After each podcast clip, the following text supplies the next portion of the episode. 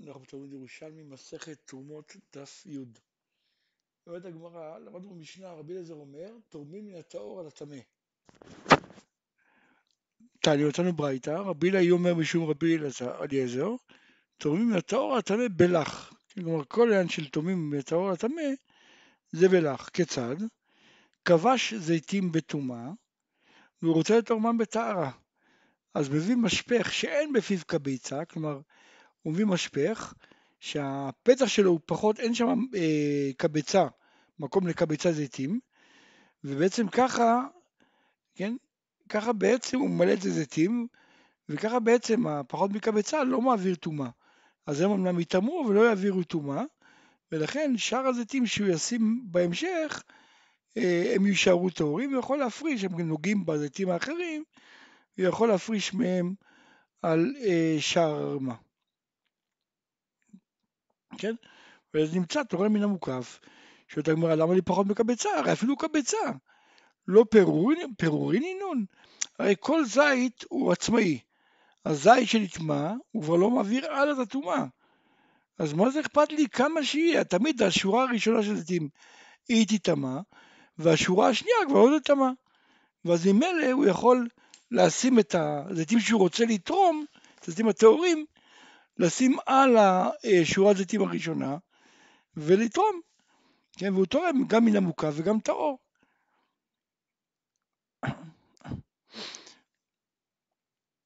אומרת הגמרא שהנה חינמי, באמת אתה צודק, גם אם הוא יעשה יותר מאשר קבצה זה היה בסדר, אבל לא צודק אלא כדי למעט בטומאה, כן?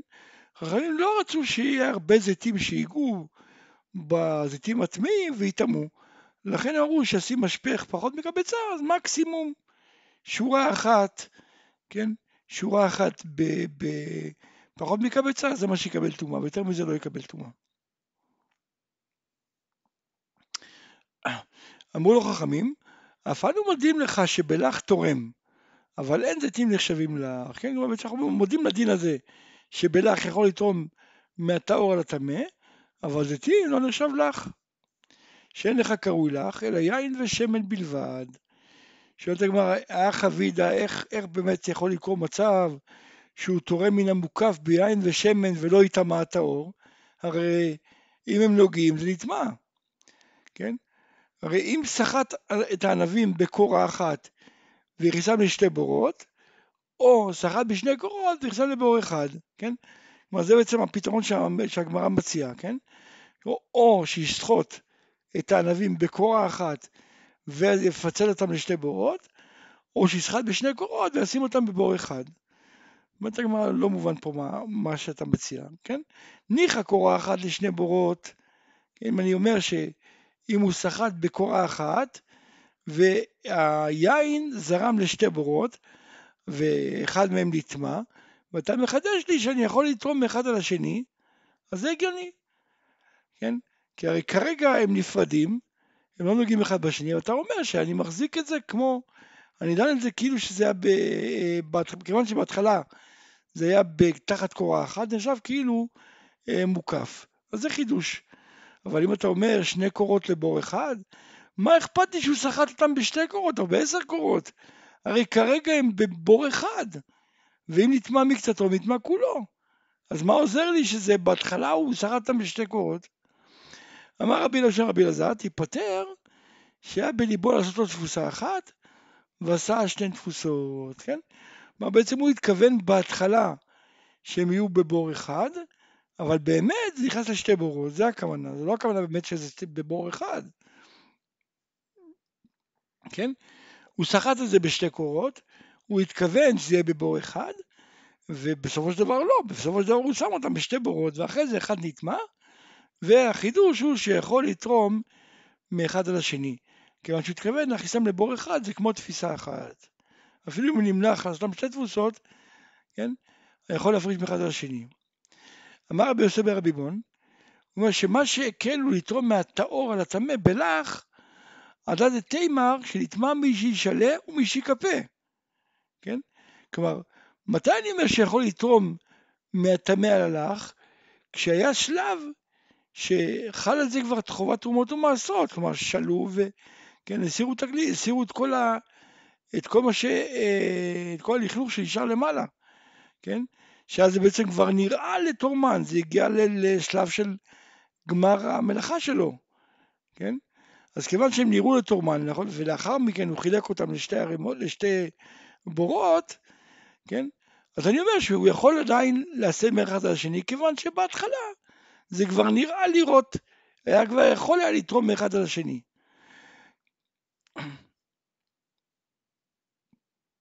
כן?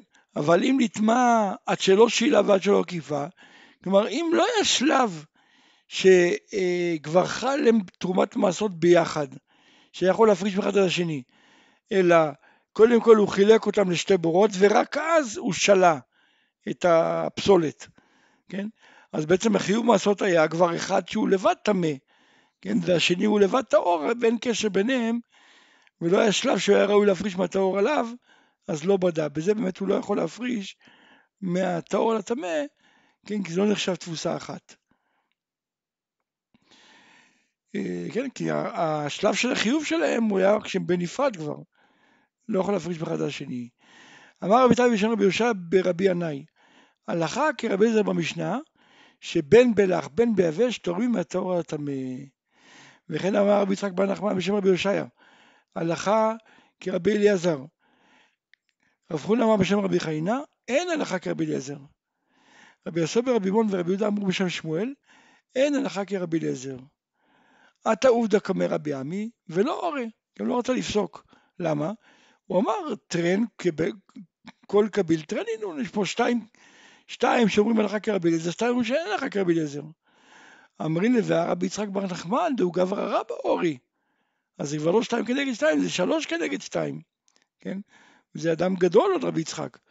אפילו כן לא אורי, לא, לא, לא הסכים לפסוק.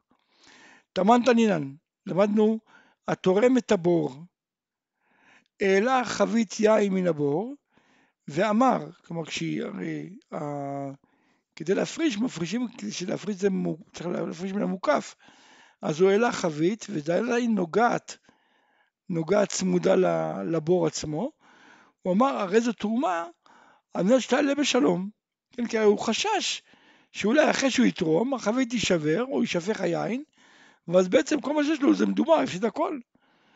אז לכן הוא התנה שרק אחרי שהחבית תצא בשלום, רק אז יחול עליה אה, התרומה.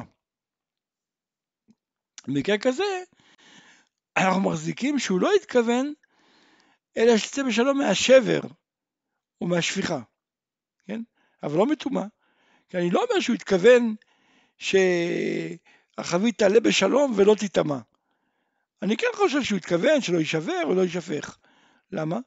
כי הרי לא העלה בדעתו שהיא תיטמע, כי הרי טמאים לא מצויים בגת. כן, בשעת הגטות היו מתארים את כולם. אז טמא לא מצוי בגת, כן, אבל שמא יישפך, כן, קיים, כן, אפשרות, יש אפשרות שישפך או יישבר החבית, לכן מזה הוא חשש. רבי שמעון אמר, אף מן הטומאה, כן, גם בטומאה, וכשהוא התנה, הוא התנה גם מזה, למרות שהוא לא אמר בפירוש, הוא כנראה התכוון גם לזה. אמר רבי יוסי בן חנינה, בטומאת טבולי יום ממתניתא, כן? למה?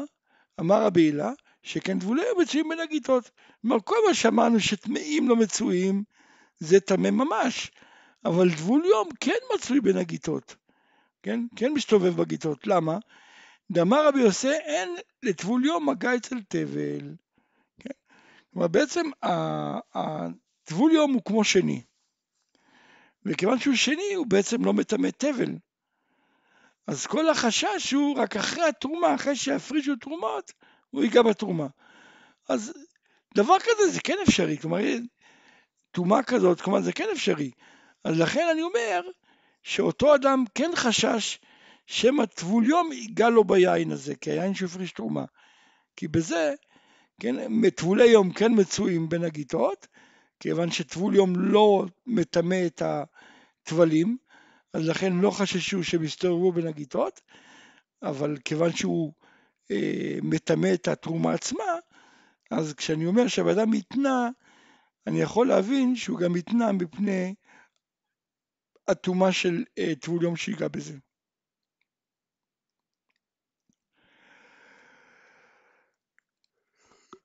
אומרת הגמרא, למדנו ברייתא, תניא אמר רבי יהודן, באמת ואמורים, בתרומה גדולה, כן, כלומר כל הדין הזה שאמרנו, שכשהוא מגיע, מגביה את החבית, ואם הוא מתנה, אז התנאי שלו תופס אה, מפני השבר, מפני השפיכה, ועכשיו חידשנו שגם כן מפני הטומאה של, של טבול יום, כל זה נאמר בתרומה גדולה.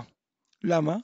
כי תרומה גדולה חייבת להינתן מהמוקף, כן? כי למרות שהוא חשש שמא הייתי שבר או יישפך היין, לא הייתה לו ברירה, הוא היה חייב להפריש, הוא אמנם הוא חשש, אבל לא, אין לו ברירה. הוא חייב להפריש מעל הבור כדי שיהיה מוקף. אז לכן הוא מתנה את התנאי הזה. אבל תרומת, תרומת מעשר, כיוון שמצד הדין הוא לא חייב להפריש מעל הבור, כן? הוא לא, לא צריך להפריש מוקף. היה יכול להוציא את הבור, את החבית החוצה, להניח אותה בצד, ואז להגיד זה תרומת מעשר. ובכל זאת הפריש מעל הבור, משהו שהוא בכלל לא חשש שזה יישבר או יישפך, כי אחרת למה שיעשה דבר כזה? כן? אם הוא תורם את זה מעל הבור, סימן שגם זה לא עלה בדעתו, לא עלה בדעתו בכלל שישפך או יישבר הבור, הח... החבית. אז מה הוא אמר? על מה הוא אמר שתעלה בשלום? זה תנאי בעלמא, לא משום דימוע. ואז אפילו אם היא לא נשברה, כן? אפילו אם היא נשברה או נשפכה אחרי שהוא העלה את זה, כן? אפילו שאר כל הדברים שלום אין והתרומה חלה, ולנשפך זה הכל מדומה. אומרת הגמרא, היה תורם תרומה ותרומת מעשר כאחת, כן? הרי אמרנו תרומה גדולה, כן? אה, התנאי שלו כן חל, תרומת מעשר זה לא חל. אלא אם כן הוא, כן הוא הגדיר בדיוק, אם הוא אמר סתם, תעלה בשלום, אז פה בתרומה גדולה אני אומר שזה כולל שמא יישפך וכולל שמא יישבר החבית, בתרומת מעשר לא. עכשיו מה יקרה אם הוא תורם את שניהם ויתנה את התנאי הזה? אז במקרה כזה, אם נשברה או נשפכה משאלה, אינה שלום. כן, אומר לא. כיוון שיש שם תרומה גדולה, ובתרומה גדולה, אני אומר שאם נשפכה או נשברה זה לא נקרא שלום, ואז בעצם התרומה לא חלה, אז גם, למרות שהוא הפריש גם תרומת מעשר, אז זה גם לא חל. אבל כן, רבי יהודה, בן, יהודה ברבי אומר, לא עלתה על דעתו של זה לעבור על דברי תורה. להגיד תרומת מעשר לתרומה גדולה. אומר הסבר אחר. למה אני אומר ששתיהם לא חלים, גם תרומת מעשר, גם תרומה גדולה? כי אם אני אגיד שרק תרומה גדולה לא חלה, אבל תרומת מעשר חלה, יוצא שאחרי זה הוא צריך להפריש תרומה גדולה. יוצא שהוא הקדים תרומת מעשר לתרומה גדולה, כן? ואנחנו אומרים, לא עלה על דעתו דבר כזה, הרי הוא רוצה לקיים מצווה בהידור, כן? הוא לא התכוון לעבור איסור תורה. הרי כתוב, כן? כי הרי כתוב, אה, מלאתך ודמעך לא תאחר. אז לא ייתכן שהוא יתכוון לעבור על דברי תורה, להפריש תרומת מעשר לפני מעשר, לפני תרומה גדולה. מיטיב רבי אבא בר ממעל, ועתנין ענן תורמים מן הטמא לטהור, ואם תרם, בשוגג תרומתו תרומה. ככה אמרנו, כן? שלא תורמים מטמא על טהור, אם תרם, בשוגג תרומתו תרומה. למה שיהיה תרומה? הרי לפי הכלל שאתה אומר לי עכשיו, שאדם לא, לא עלה בדעתו לעבור איסור תורה, אז גם כאן אותו דבר, כן? הגה עצמך שתרם בשוגג מהטמא לטהור, ובא ואמר, לא התכוונתי. כן, לא התכוונתי לבוא על דברי תורה, כן? אז למה לא לומר שגם שם התרומה בטלה? אמר רבי אבא בר מה, לא, שם יש סיבה אחרת. אם תאמר, אם אומרת כן, כלומר אם תגיד שבאמת התרומה לא חלה, כן, אם הוא תרם מהטמא לטהור, כן, והוא אחרי זה אמר לנו, לא עלתה, עלתי לעבור על דברי תורה, אז, כן, אם זה ככה, זה, זה לא, לא הגיוני, כן? למה? כי נמצאת למבריחו מן הקלה מכניסו לחמורה. כן? כי הרי אם אתה מבטל את התרומה שלו, יוצא שהוא אוכל תבל. כן? כי הרי הוא חשב בהתחלה, הרי הוא חשב שה, שהפירות שלו מתוקנים, ואכל מהם מסתמה. יצא שהוא בעצם, הרי שאתה אומר, שכשהוא אומר, כשהוא אומר, לא עלתה על דעתי לעבור על דברי תורה, אז אתה אומר זה בטל התרומה, יוצא שהוא אוכל תבל. כן? לא הגיוני שאדם יבריח את עצמו מן הכלה יעבור איסור חמור. כן, שהרי תבל זה מבון מיתה. עכשיו, הרי לכאורה יש בעיה אחרת, אז אם אתה אם ככה, יוצא שהכהן יאכל תרומת טמאה, כי הרי ישראל נתן לו את זה בתור תרומת טהורה, כן? אז זה היה שוגג. אז עכשיו, אם הכהן, הכהן יכול לבוא לאכול תרומה, כן, תרומת טמאה, כן? אז למה אתה לא חושש לזה? ואתה אומר, לא, זה לא, אבל זה לא חמור כל כך, כי את האור שאכל טמא זה רק עשה, כן? להפריש, כן?